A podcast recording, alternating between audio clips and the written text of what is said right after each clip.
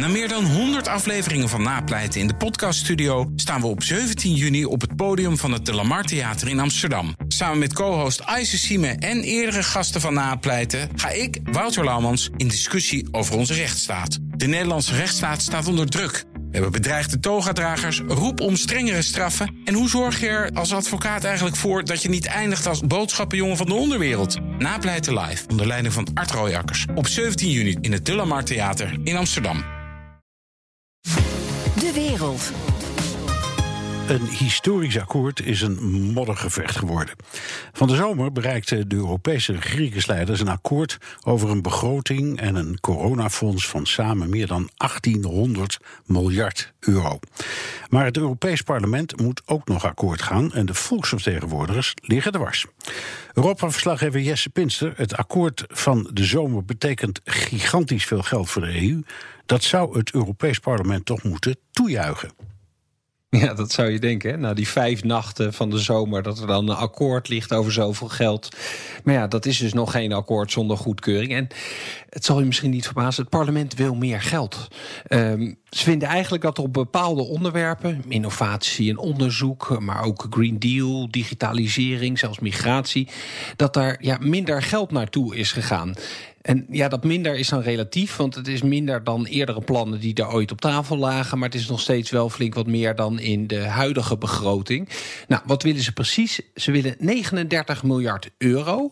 Dan zou je denken dat is een flink bedrag, maar dan zegt het parlement ja, maar eigenlijk is het maar 9 miljard extra. En dan kom je in een soort doolhof van boekhoud, boekhoudtrucjes terecht. Hoe ze dat allemaal gedaan hebben, ga ik hier niet allemaal uitleggen. Maar nou ja, zij zeggen het is 9 miljard euro. En dan zeggen de Europese landen die van de zomer onthandeld hebben, die geïrriteerd zijn. Helemaal niet. Uit onze berekening blijkt dat het 90 miljard is wat jullie extra vragen. Van waarom zijn jullie in het parlement niet tevreden met het gigantische pakket wat we nu hebben? Op het parlement dan weer antwoord van ja joh, nee maar ik bedoel 39, waar hebben we het over? Dat is 2% van die 180, uh, van die, die 1800 miljard. Nou ja, en zo gaat het op en neer en op en neer. En zo gaat het eigenlijk al, uh, al weken. Ja, nou heb je elke zeven jaar zo'n uh, gevecht bij iedere meerjarenbegroting. Het is natuurlijk al een begroting voor een krankzinnig lange tijd, hè, zeven jaar. Ja. En die komt dan uh, terug aan het einde van de rit, kiest het parlement altijd eieren voor zijn geld. Zal dat nu niet ook gewoon gebeuren?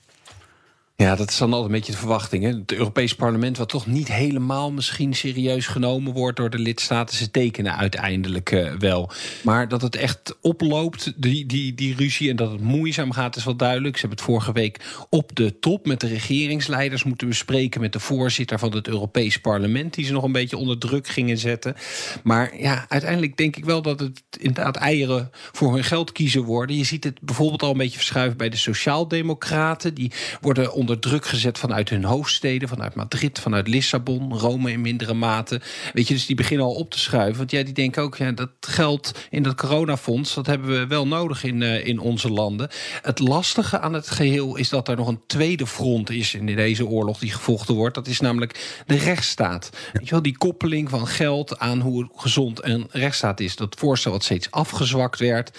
En uh, waarvan het Europees Parlement nu zegt: nee, dat moet juist weer opgekricht. Het moet strenger worden. Dus weet je, dat maakt het extra lastig uh, deze keer om daar uit te komen. Ze strooiden nog met een onderzoek, het Europese parlement ook deze week. Van, ze hadden een peiling gedaan onder de Europese bevolking. 77% van de Europeanen die wil graag dat er zo'n link komt tussen geld en uh, de rechtsstaat. Dus nou ja, hadden ze weer iets om op de onder onderhandelingstafel ja, en, en, en op dat onderwerp, de rechtsstaat, houdt het parlement wel voet bij stuk.